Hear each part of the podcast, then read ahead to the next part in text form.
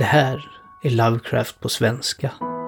En podd där jag, Fredrik Johansson, läser in mina egna översättningar av skräckförfattaren H.P. Lovecrafts berättelser.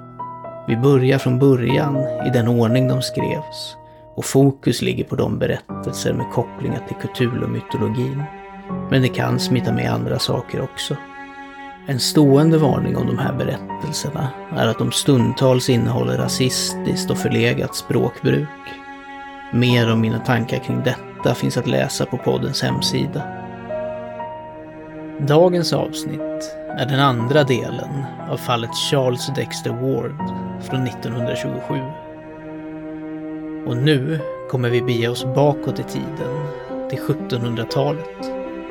På den här tiden är kolonierna fortfarande en del av det brittiska imperiet och styrs från andra sidan Atlanten av makterna i England. När det talas om oroliga tider avses den alltmer dominerande åsikten att kolonierna bör representeras i parlamentet i och med det ökade skattetrycket från kronan som nu råder.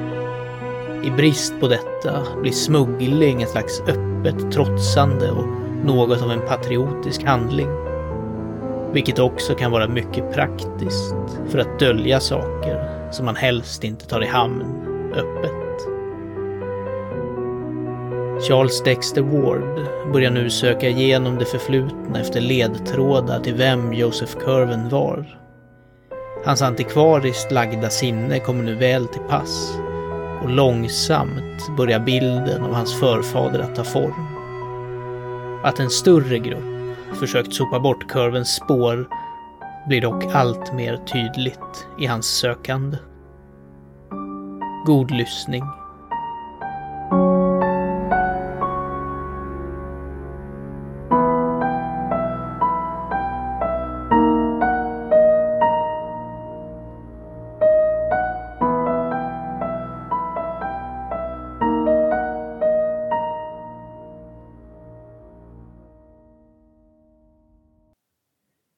Fallet Charles Dexter Ward Del 2 Kapitel 2 Ett förled och en skräck. 1 Joseph Curven, som det avslöjats av de svamlande legenderna uttryckta i det Ward hörde och grävde fram, var en mycket häpnadsväckande, enigmatisk och obskyr hemsk individ. Han hade flytt från Salem till Providence.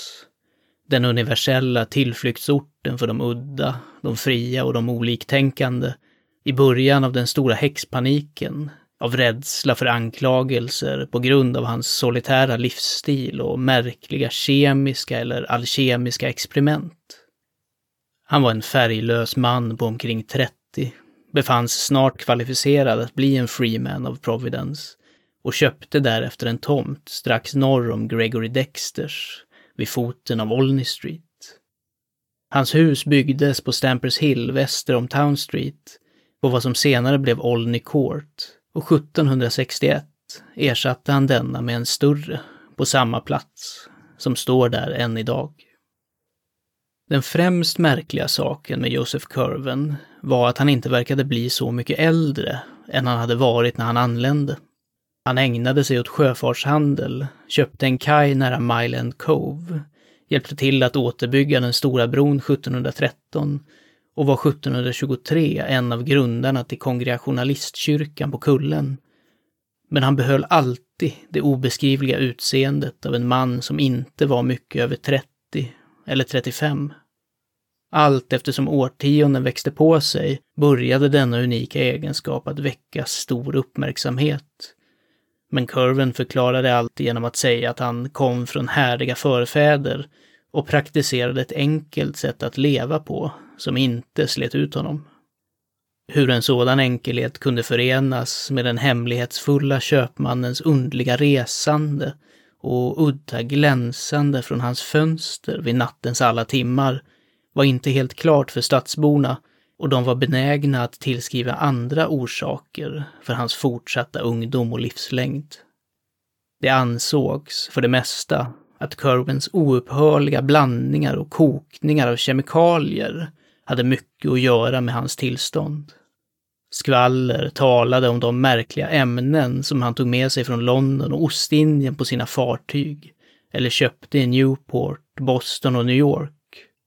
Och när den gamle doktor Jabez Bowen kom från Rehabeth och öppnade sitt apotek över den stora bron vid skylten av enhörningen och morten talades det oavbrutet om de läkemedel, syror och metaller som den fåordiga enstöringen ständigt köpte eller beställde från honom. Med antagandet att Curran besatt en förundlig och hemlig medicinsk färdighet ansökte många lidande av olika slag om hjälp från honom. Men även om han verkade uppmuntra deras tro på ett förpliktigat sätt och alltid gav dem udda färgade elixir som svar på deras förfrågningar observerades det att hans tjänster till andra sällan visade sig vara till någon nytta.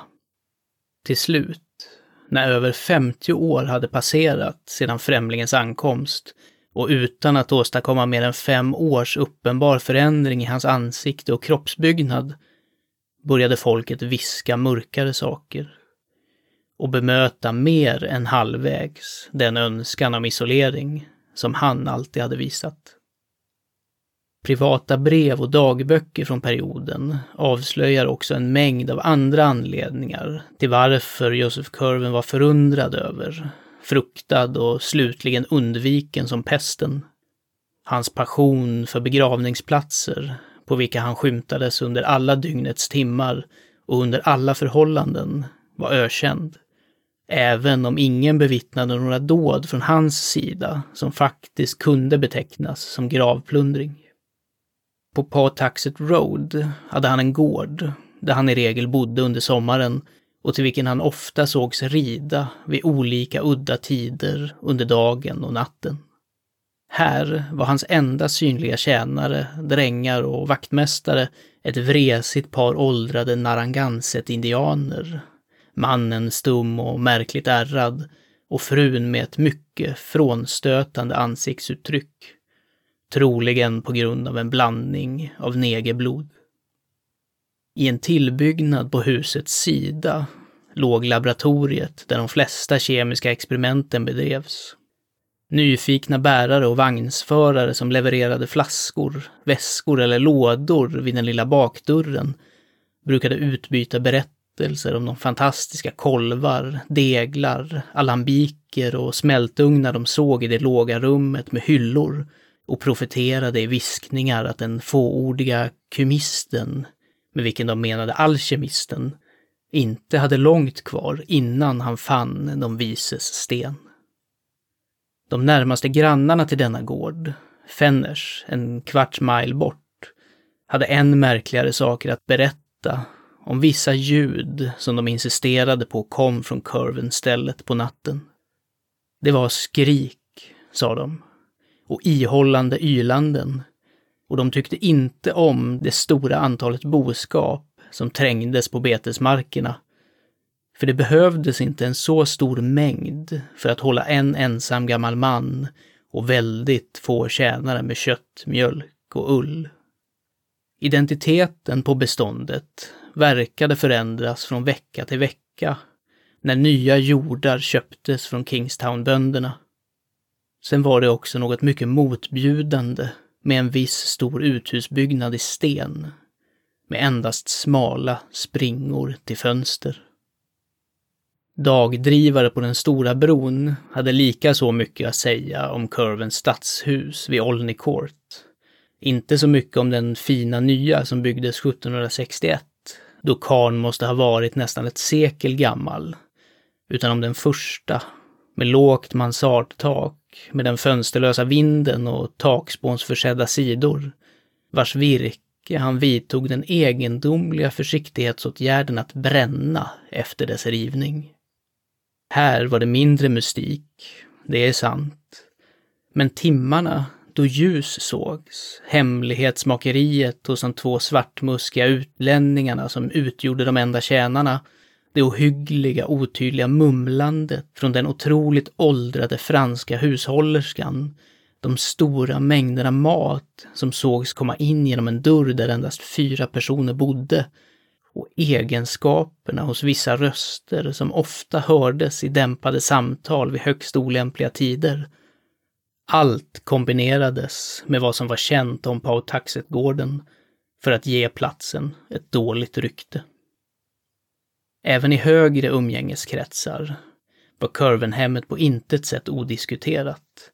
För då nykomlingen gradvis hade arbetat sig in i stadens kyrko och handelsliv hade han naturligtvis gjort sig bekantskaper av det bättre slaget, vars sällskap och samtal han av sin utbildning var väl lämpad att åtnjuta. Hans släktskap var känt att vara gott eftersom Curvens, eller Corwins, från Salem inte behövde någon introduktion i New England. Det utvecklades att Joseph Curven hade rest mycket, väldigt tidigt i livet, bott en tid i England och gjort minst två resor till Orienten. Och hans tal, när han nedlät sig att använda det, var det av en lärd och kultiverad engelsman. Men av någon anledning brydde sig inte Curven om societeten. Även om han aldrig faktiskt avvisade en besökare hade han alltid en sådan reserverande mur rest omkring sig att få kunde komma på någonting att säga till honom som inte lät poänglöst. Det verkade i hans hållning lura en viss kryptisk, sardonisk arrogans, som om han hade kommit att finna alla människor tråkiga genom att ha rört sig bland främmande och mer potenta väsen. När Dr. Sheckley med sitt berömda förstånd kom från Boston 1738 för att bli lektor vid Kings Church försummade han inte att besöka den som han hade hört så mycket om. Men gick efter en mycket kort tid på grund av någon olycksbådande underström som han upptäckte i sin världsdiskurs. Charles Ward berättade för sin far, när de diskuterade kurven en vinterkväll, att han skulle ge mycket för att få veta vad den mystiska gamle mannen hade sagt till den livliga prästen. Men alla dagboksskrivare är överens om doktor Checklis ovilja att upprepa något av det han hade hört. Den gode mannen hade blivit fruktansvärt chockad och kunde aldrig minnas Josef Curven utan en synlig förlust av den glada världsvana för vilken han var berömd. Men skälet till att en annan man av god smak och fostran undvek den högdragna eremiten var mer tydligt. 1746 kom Mr John Merritt, en äldre engelsk gentleman med litterära och vetenskapliga böjelser, från Newport till den stad som så snabbt började gå om den i status och byggde ett gott landssäte nära det som nu är hjärtat av det finaste bostadsområdet. Han levde i en avsevärd stil och komfort, höll sig med den första diligensen och livreklädda tjänare och var mycket stolt över sitt teleskop, sitt mikroskop och sitt väl utvalda bibliotek med engelska och latinska böcker. När han hörde talas om Curven som ägaren till det bästa biblioteket i Providence besökte Mr Merritt honom tidigt och blev mer hjärtligt mottagen än de flesta andra som besökt huset hade blivit. Hans beundran för hans världs stora hyllor, vilka förutom de grekiska, latinska och engelska klassikerna var fyllda med ett formidabelt batteri av filosofiska, matematiska och vetenskapliga verk, inkluderande Paracelsus, Agricola, Van Helmont, Sylvius, Glauber, Boyle, Boerhaave, Becher och Stahl, fick kurven att föreslå ett besök på gården och laboratoriet, dit han aldrig hade bjudit någon förut. Och de två begav sig iväg på en gång, med Mr Merritts diligens. Mr Merritt bekände sig alltid till att han inte hade sett något riktigt hemskt på gården, men vidhöll att titlarna på böckerna i specialbiblioteket med tamaturgiska, alkemiska och teologiska ämnen, vilken kurven förvarade i ett vardagsrum, var tillräckligt för att inge honom med en varaktig avsky. Men kanske bidrog ägarens ansiktsuttryck när han visade upp dem mycket till fördomen. Den bizarra samlingen, förutom en mängd standardverk som Mr Merritt inte var alltför oroad för att avundas, omfattade nästan alla kabbalister, demonologer och magiker som mänskligheten känner till och var en guldgruva av lärdomar i alkemins och astrologins tveksamma sfärer. Hermes Trimegistus i Mesnards utgåva, Turba Philosophorium, Gebers Liber Investigationis och Artefius Visdomens nyckel var alla där. Tillsammans med den kabbalistiska Sohar, Peter Jammis uppsättning av Albertus Magnus, Raymond Lullis Ars Magna et Ultima i Sessners utgåva, Thesaurus Chemicus, Fluds Clavis Alchimae och Tretimus de Lapida Philosophico var de alla tätt samlade. Medeltida judar och araber var representerade i överflöd och Mr Merritt bleknade när han tog ner en fin volym i ögonfallande märkt som Kanon är Islam, men fann att den i själva verket var den förbjudna Necronomicon av den galne araben Abdul al-Hasred om vilken han hade hört monstruösa saker viskas några år tidigare efter avslöjandet av namnlösa riter i den märkliga lilla fiskebyn i Kingsport i provinsen Massachusetts Bay. Men märkligt nog erkände sig den värdiga gentlemannen mest obestämbart oroad av en mindre detalj. På det enorma mahognybordet låg det med framsidan nedåt ett illa slitet exemplar av Borelus med många kryptiska marginalia och anteckningar i Curvens handstil. Boken var öppnad ungefär på dess mitt och ett stycke visade så tjocka och darrande penndrag under raderna av mystisk gotisk skrift att besökaren inte kunde motstå att läsa av det. Om det var beskaffenheten i det understrukna avsnittet eller den febriga tyngden i penndragen som bildade understrykningen kunde han inte säga. Men någonting i den kombinationen påverkade honom mycket illa och mycket speciellt. Han mindes det till slutet av sina dagar, skrev ner det från minnet i sin dagbok och försökte en gång att recitera det för sin nära vän Dr. Checkley, tills han insåg hur mycket det störde den urbana lektorn. Det stod De essentiella salterna av djur kan så förberedas och bevaras att en genial man kan ha hela Noas ark i sitt eget arbetsrum och kan frammana en utmärkt gestalt av djuret från dess stoft efter hans behag. Och genom lykemetoden med de essentiella salterna av mänskligt stoft kan en filosof utan någon kriminell nekromanti kalla upp gestalten av en död förfader från stoftet var i hans kropp har blivit förbränd. Det var dock nära hamnen längs den södra delen av Town Street som det värsta mumlades om Joseph Curven. Sjömän är vidskepligt folk och de erfarna sjöbusarna som bemannade de oändliga rom-, slav och melasslupparna, de otuktiga kaparna och de stora briggarna från Browns, Crawfords och Tillinghasts gjorde alla märkliga skyddstecken när de såg den smala och till utseende bedrägligt unga figuren med dess gula hår och lätta framåtlutning gå in på kurvenlagret på Dublin Street eller prata med kaptener och superkagörer på den långa kajen där kurvenskeppen rastlöst låg förankade. Kurvens egna tjänstemän och kaptener hatade och fruktade honom och alla hans sjömän var rasblandat slödder från Martinique, Sankt Estasius, Havanna eller Port Royal. Det var, på sätt och vis, den frekvens med vilken dessa sjömän ersattes som inspirerade till den skarpaste och mest påtagliga del av den rädsla som den gamle mannen utsöndrade.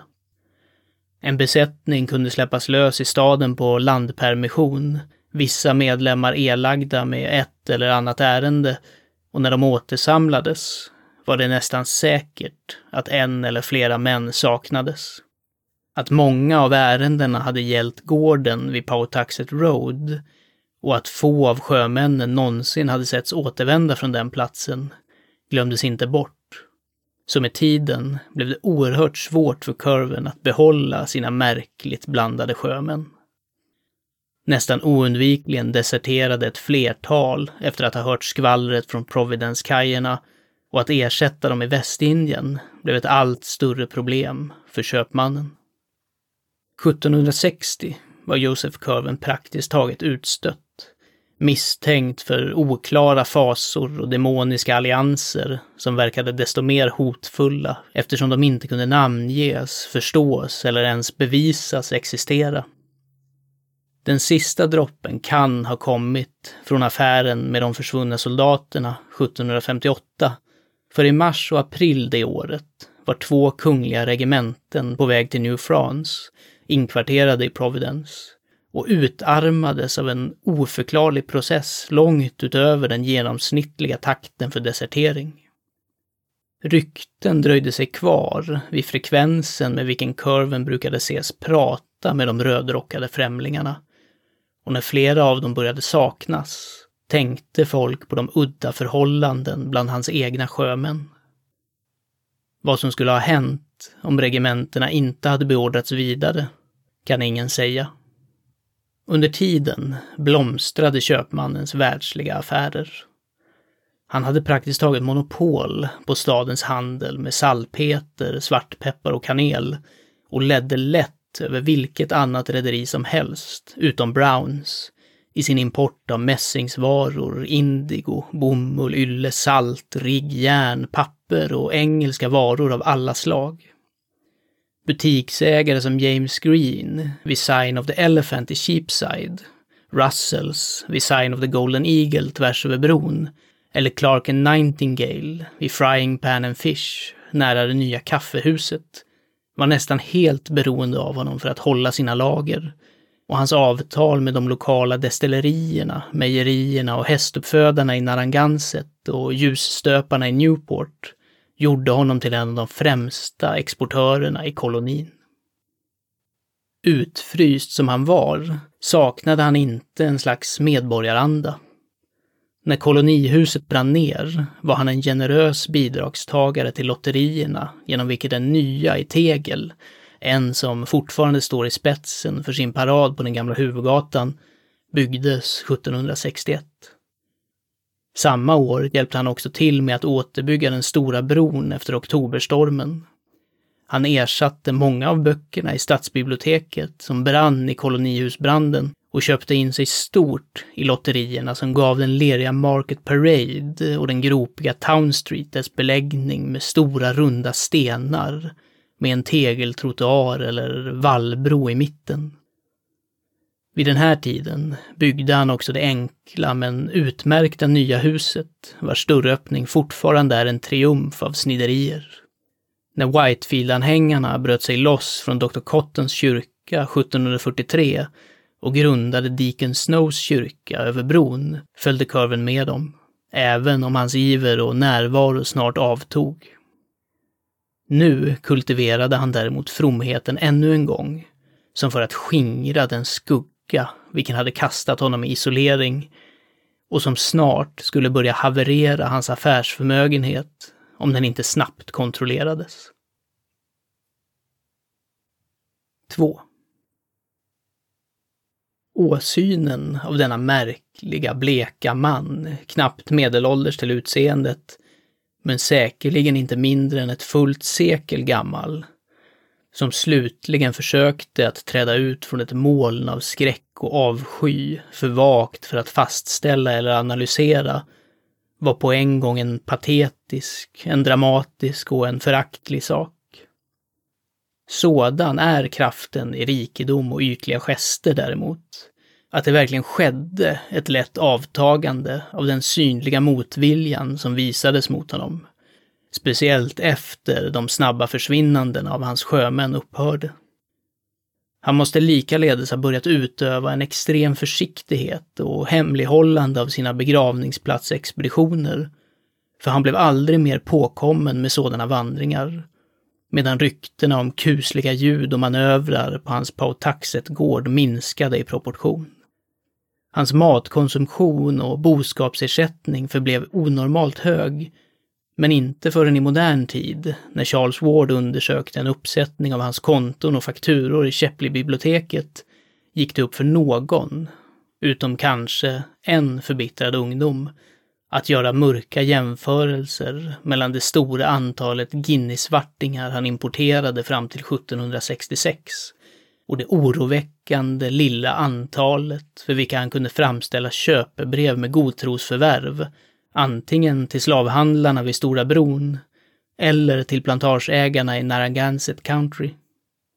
Sannerligen, listen och uppfinningsrikedomen hos denna avskyvärda karaktär var kusligt djupgående, när väl nödvändigheten av dess utövande hade blivit tydlig för honom.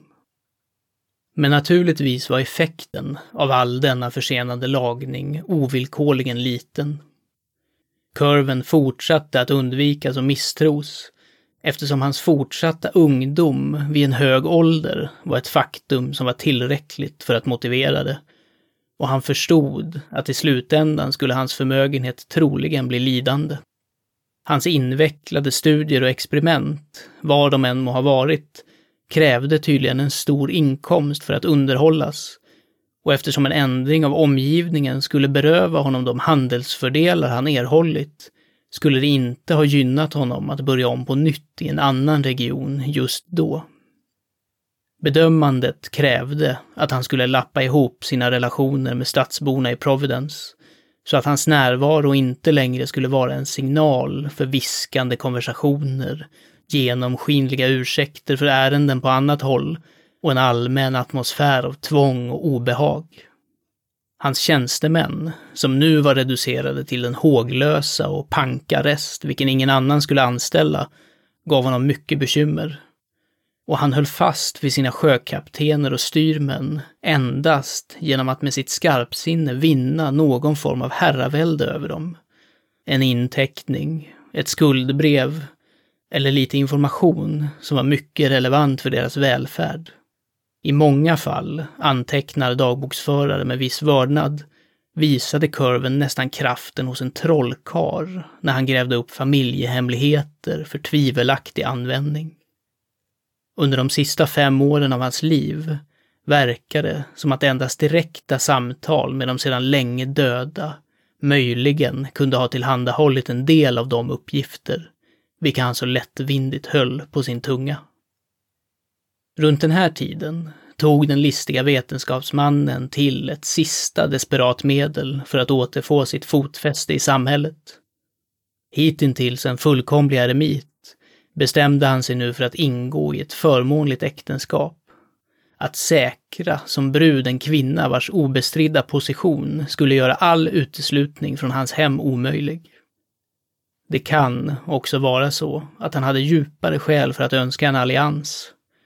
Skäl så långt utanför den kända kosmiska sfären att endast handlingar som hittades ett och ett halvt århundraden senare fick någon att misstänka dem. Men om detta kan inget någonsin säkert läras. Naturligtvis var han medveten om den fasa och indignation med vilken varje normal uppvaktning från honom skulle tas emot Därför såg han sig om efter en lämplig kandidat på vars föräldrar han kunde utöva lämpliga påtryckningar. Sådana kandidater, fann han, var inte alls lätta att upptäcka eftersom han hade mycket speciella krav i fråga om skönhet, prestationer och social trygghet.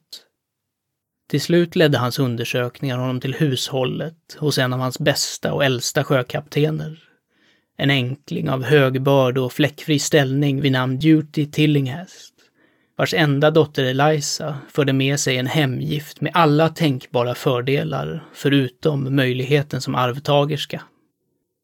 Kapten Tillinghast var helt under kurvens herravälde och samtyckte efter ett fruktansvärt möte i hans kupolförsedda hus på Powers Lane Hill till att sanktionera den hädiska alliansen.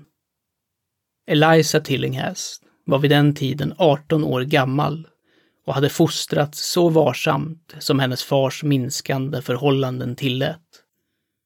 Hon hade gått i Steven Jackson School mittemot Courthouse Parade, och hade blivit flitigt instruerad av sin mor, innan den senare dog i smittkoppor 1757, i alla konster och finesser för ett liv som hushållerska. En märkduk av henne, broderad 1753 vid nio års ålder, kan fortfarande ses i ett rum hos Rhode Islands historiska sällskap. Efter hennes mors död hade hon tagit hand om huset endast med hjälp av en gammal svart kvinna. Hennes gräl med sin far angående det föreslagna Curven-äktenskapet måste verkligen ha varit smärtsamma. Men om dessa har vi inga nedteckningar.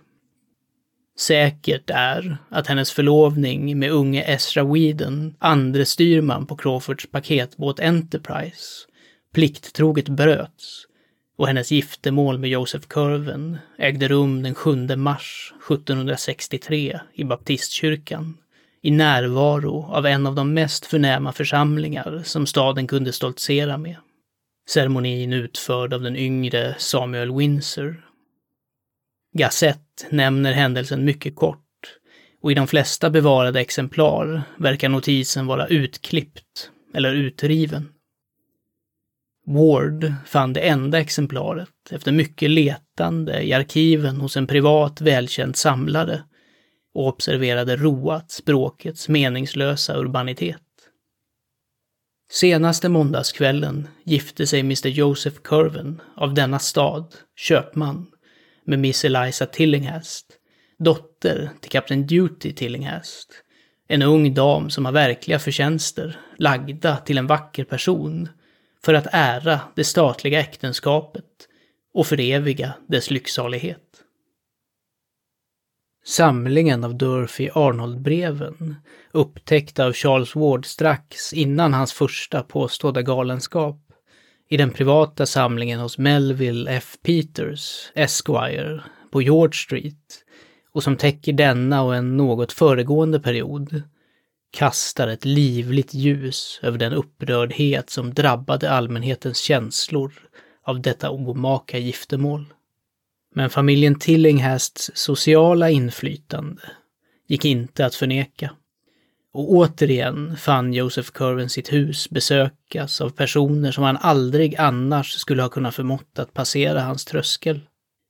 Hans acceptans var på intet sätt fullständig och hans brud var socialt en lidande genom hennes påtvingade förening. Men i alla avseenden blev muren av absolut utfrysande något nedsliten. I sin behandling av sin fru förvånade den märkliga brudgummen både henne och samhället genom att visa en extrem älskvärdhet och omtanke. Det nya huset vid Olney Court var nu helt fritt från störande manifestationer och även om kurven var mycket frånvarande vid Pawtuxet-gården, vilken hans fru aldrig besökte, verkade han mer som en normal medborgare än vid någon annan tidpunkt under sina många år av vistelse. Endast en person förblev öppen i sin fientlighet mot honom. Det var den ungdomliga skeppsofficeren vars förlovning med Eliza Tillinghast så abrupt hade brutits. Ezra Whedon hade uppriktigt sagt lovat hämnd och fastän han hade ett stillsamt och vanligtvis milt sinne fick han nu ett hatframkallat, envist syfte, vilket inte bådade gott för den usurperande mannen.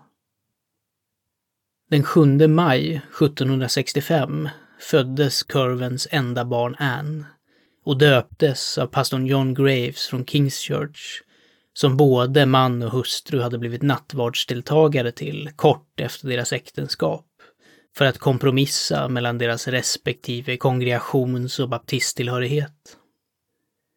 Nedteckningen om denna födsel, såväl som den om äktenskapet två år tidigare, hade strukits från de flesta exemplar av kyrko och stadsanalerna där de borde ha förekommit och Charles Ward lokaliserade båda med största svårighet efter att hans upptäckt om änkans namnbyte hade gett honom kännedom om hans egna släktskap och fött det febriga intresset, vilket kulminerade i hans galenskap.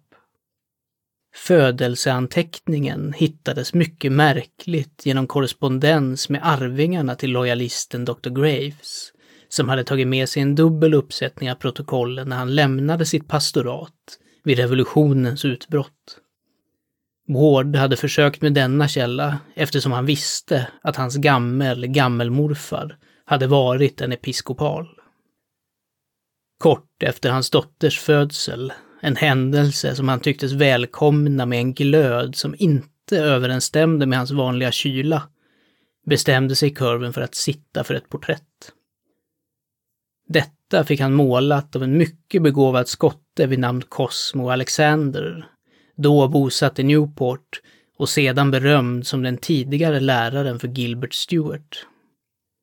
Liknelsen sades ha utförts på en väggpanel i biblioteket i huset vid Olney Court. Men ingen av de två gamla dagböckerna som nämnde den gav någon antydan om dess slutliga placering. Vid den här perioden visade den excentriska vetenskapsmannen tecken på ovanlig distraktion och tillbringade så mycket tid han kunde på sin gård på Partaxet Road. Han verkade, sades det, i ett tillstånd av undertryckt upprymdhet eller spänning. Som om han väntade sig någon fenomenal sak. Eller som om han var på randen till någon märklig upptäckt. Kemi, eller alkemi, tycktes ha spelat en stor roll, för han tog från sitt hus till gården ett större antal av sina volymer om detta ämne.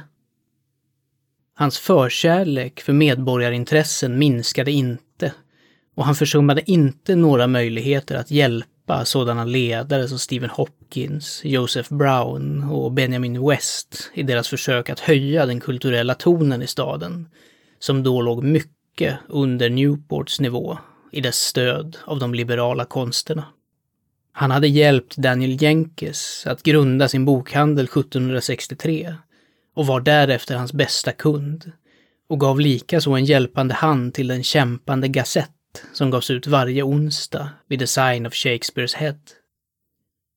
I politiken stöttade han ivrigt guvernör Hopkins mot Wardpartiet, vars primära styrka var i Newport, och hans riktigt vältaliga framförande vid Hackers Hall 1765 mot att North Providence skulle avdelas till en separat stad med en pro-Ward-omröstning i generalförsamlingen gjorde mer än någon annan sak för att slita ner fördomarna mot honom.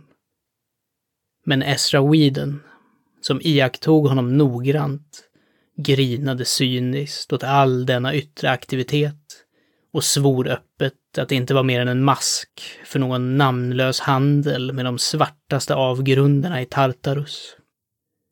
Den hämndlyste ynglingen började en systematisk studie av karn och hans gärningar när helst han var i hamn. Spenderade timmar på natten vid kajerna med en eka i beredskap, när han såg ljus i kurvens lager och följde den lilla båten som ibland smög sig tyst iväg och ner i viken. Han höll också ett så nära öga som möjligt på Pautaxet-gården och blev en gång svårt biten av hundarna som det gamla indianparet släppte lösa på honom. 3. 1766 kom den sista förändringen hos Joseph Curven. Den var mycket plötslig och fick stor uppmärksamhet bland de nyfikna stadsborna, för luften av spänning och förväntan föll som en gammal mantel och gav omedelbart plats för ett illa dolt förhärligande av perfekt triumf. Curven verkade ha svårigheter med att hålla sig från offentliga haranger om vad han hade funnit, eller lärt sig, eller skapat. Men tydligen var behovet av hemlighållande större än längtan att dela hans glädje, för ingen förklaring erbjöds någonsin av honom. Det var efter denna övergång, som tycks ha kommit tidigt i juli, som den olycksbådande vetenskapsmannen började förbluffa människor genom sitt innehav av information som endast deras sedan länge döda förfäder hade kunnat förmedla. Men Curvens febrila hemliga aktiviteter upphörde på intet sätt med denna förändring. Tvärtom tenderade de snarare att öka, så att mer och mer av hans handel sköttes av kaptenerna, som han nu bundit till sig genom band av rädsla, lika potenta som de av bankrutt hade varit. Han övergav helt och hållet slavhandeln och påstod att dess vinster konstant minskade. Varje möjlig stund spenderades nu på Pautaxetgården. även om det då och då gick rykten om hans närvaro på platser som, fastän de inte var nära begravningsplatser, ändå var placerade i sådan relation till begravningsplatser att tankefulla människor undrade just hur genomgripande den gamle köpmannens vanor egentligen var. Ezra Whedon, även om hans perioder av spionage av nödvändighet var korta och oregelbundna på grund av hans sjöresor, hade en hämndlysten uthållighet, vilken huvuddelen av de praktiska stadsborna och bönderna saknade, och utsatte Curvens affärer för en granskning som de aldrig tidigare hade fått. Många av de udda manövrar som den märkliga handelsmannens fartyg hade genomfört hade tagits för givna på grund av den oroliga tiden, när varje kolonist verkade besluten att motstå föreskrifterna från sockerlagen, vilken hämnade framgångsrik handel.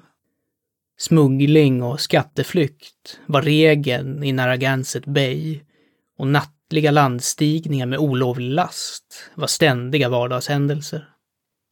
Men Weeden, som natt efter natt följde pråmarna eller de små slupparna vilka han såg smyga iväg från Curvens lager vid Town Street-hamnen, kände sig snart övertygad om att det inte bara var hans majestäts beväpnade fartyg som den olycksbådande smygaren var angelägen om att undvika.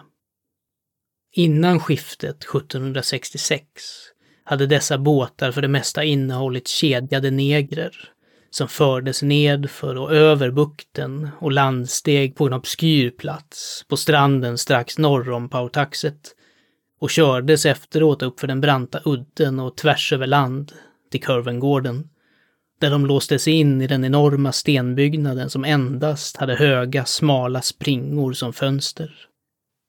Efter skiftet dock ändrades hela programmet. Importen av slavar upphörde omedelbart och för en tid övergav kurven sina midnattsseglatser. Sedan, omkring våren 1767, antogs en ny policy.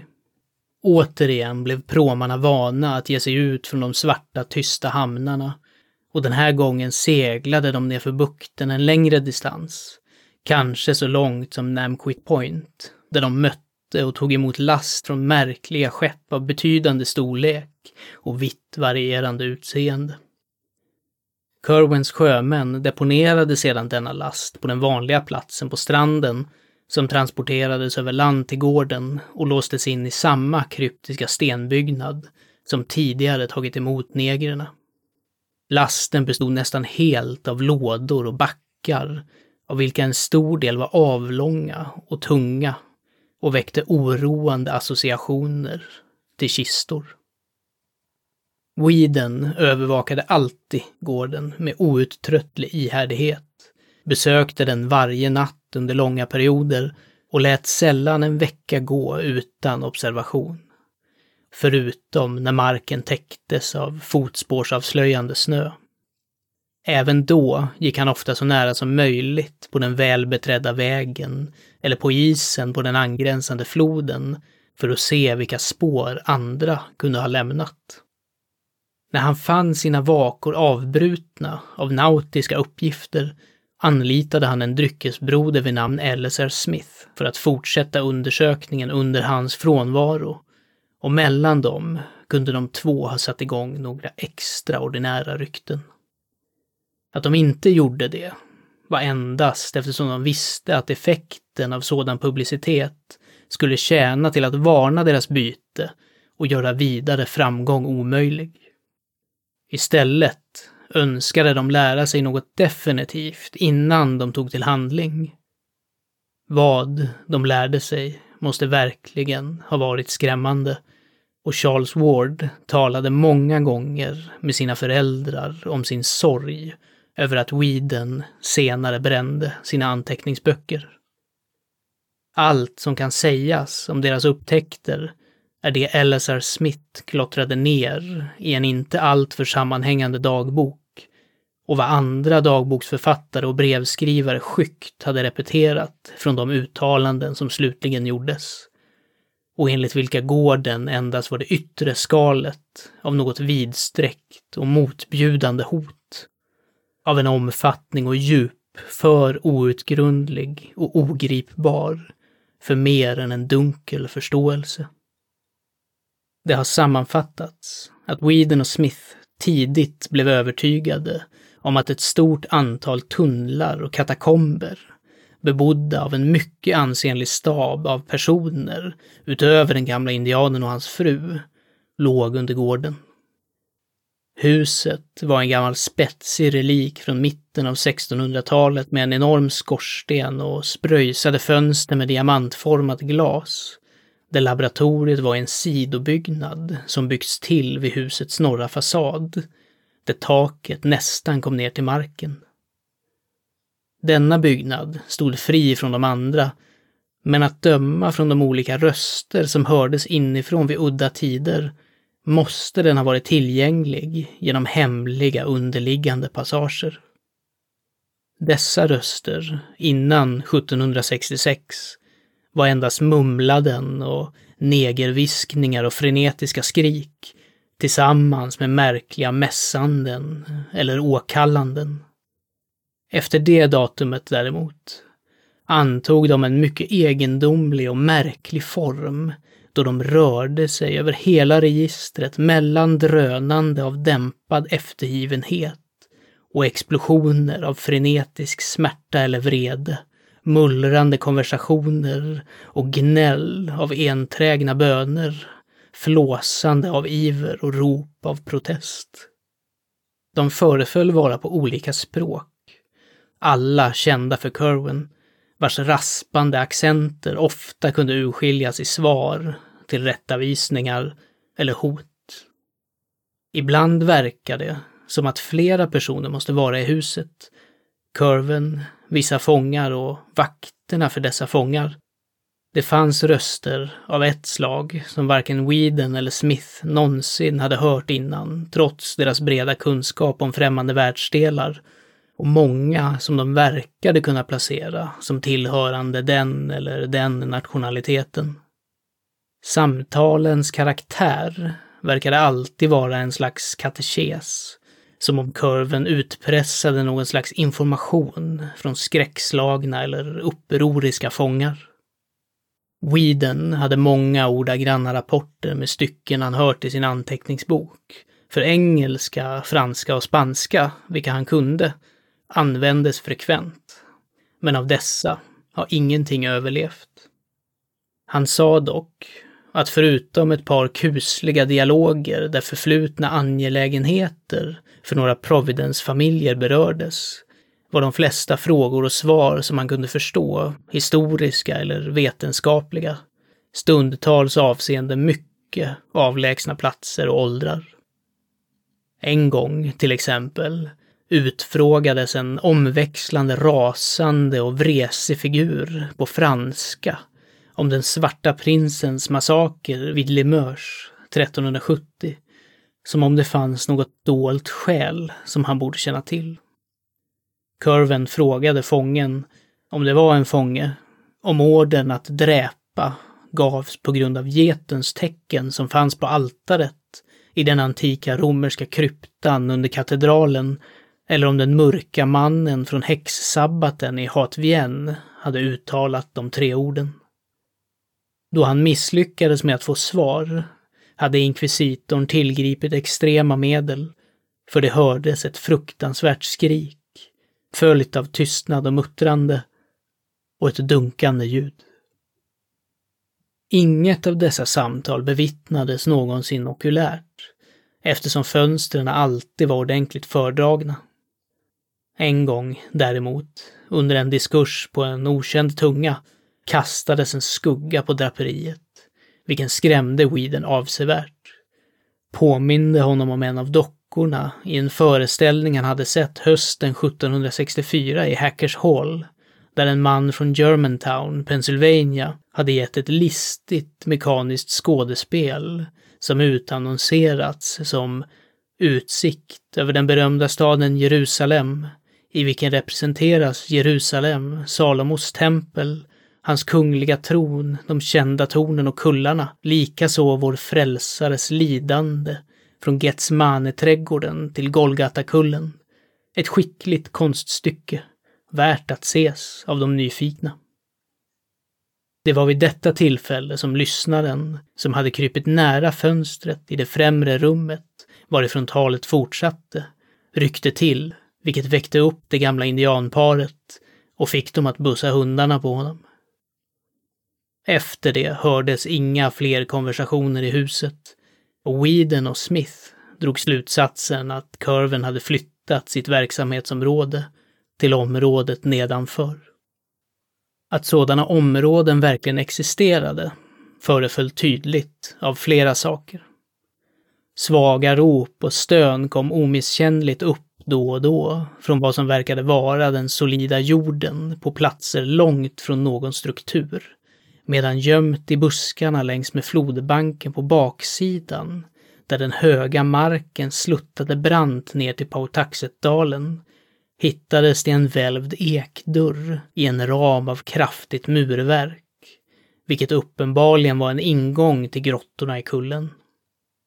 När eller hur dessa katakomber kunde ha konstruerats kunde inte Weeden säga, men han påpekade ofta hur lätt platsen kunde ha nåtts av skaror av osynliga arbetare från floden. Josef satte sannerligen sina rasblandade sjömän i arbete med diverse sysslor. Under de kraftiga vårregnen 1769 höll de två övervakarna ett skarpt öga på den branta flodbanken för att se om några underjordiska hemligheter kunde spolas upp till ljuset och belönades med åsynen av både människo och djurben på platser där djupa klyftor hade grävts in i stranden. Naturligtvis kan det finnas många förklaringar till sådana saker på baksidan av en djurgård och på en ort där gamla indianbegravningsplatser var vanliga, men Weeden och Smith drog sina egna slutsatser.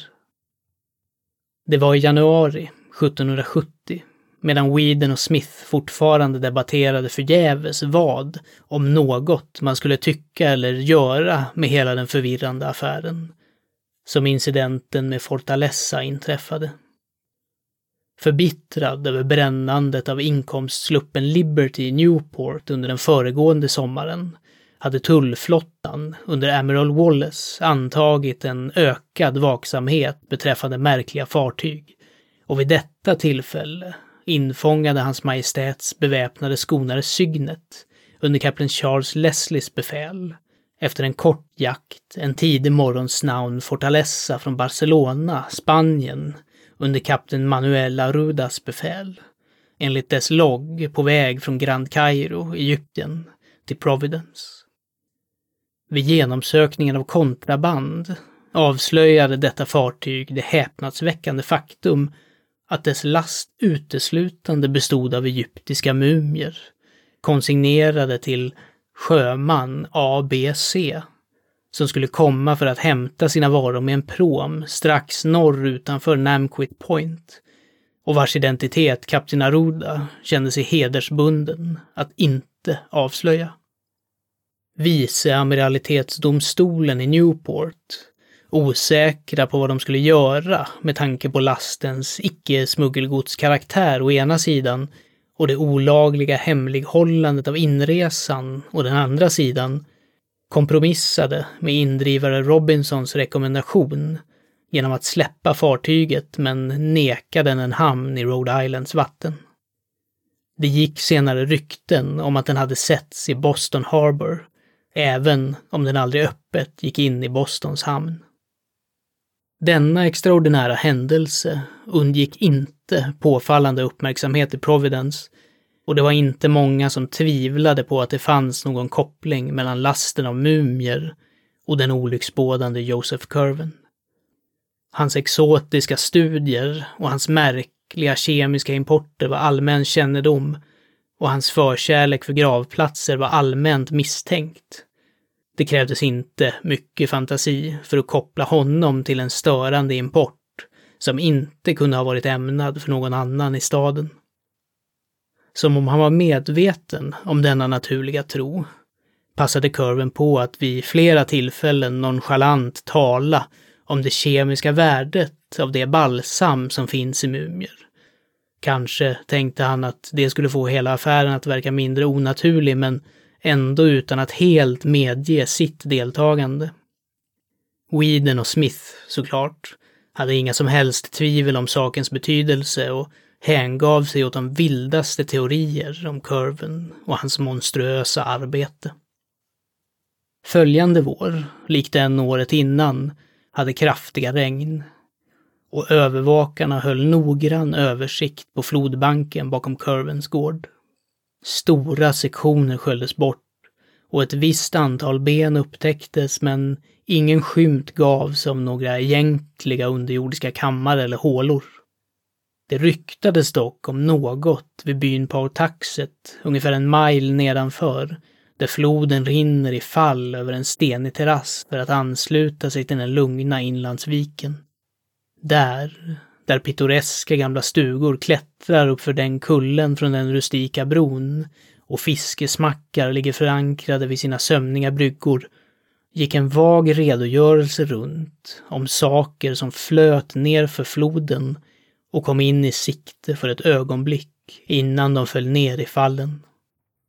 Naturligtvis är Pautaxet en lång flod som slingrar sig genom många bebyggda områden med överflöd av gravplatser.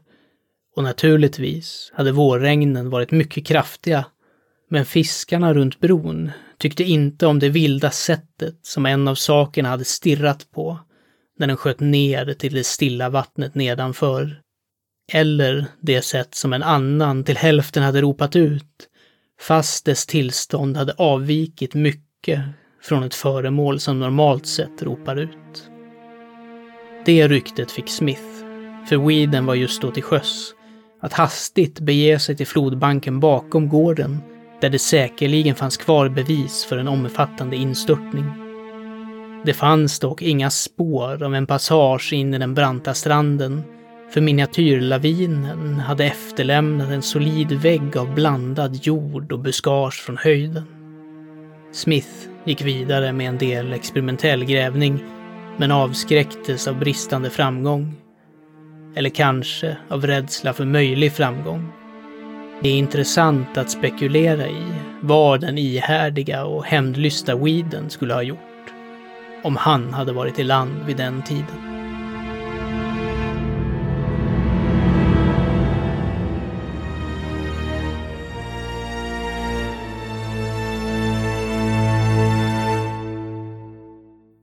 Du har lyssnat på den andra delen av fallet Charles Dexter Ward. En berättelse av Howard Phillips Lovecraft som skrevs i början av 1927 och som publicerades för första gången efter Lovecrafts död i maj och juli 1941 i Weird Tales i det nionde och tionde numret av den 35 utgåvan, då i en förkortad version. Den svenska översättningen och inläsningen är gjord av mig, Fredrik Johansson. Tack för att du har lyssnat.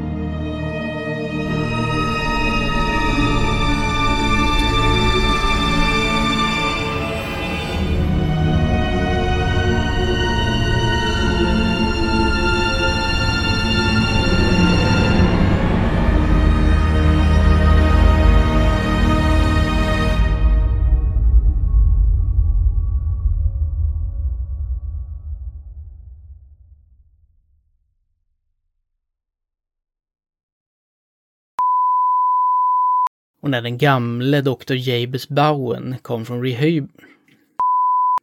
kom från rehab... Och när den gamle doktorn Jabez Bowen kom från Renobot...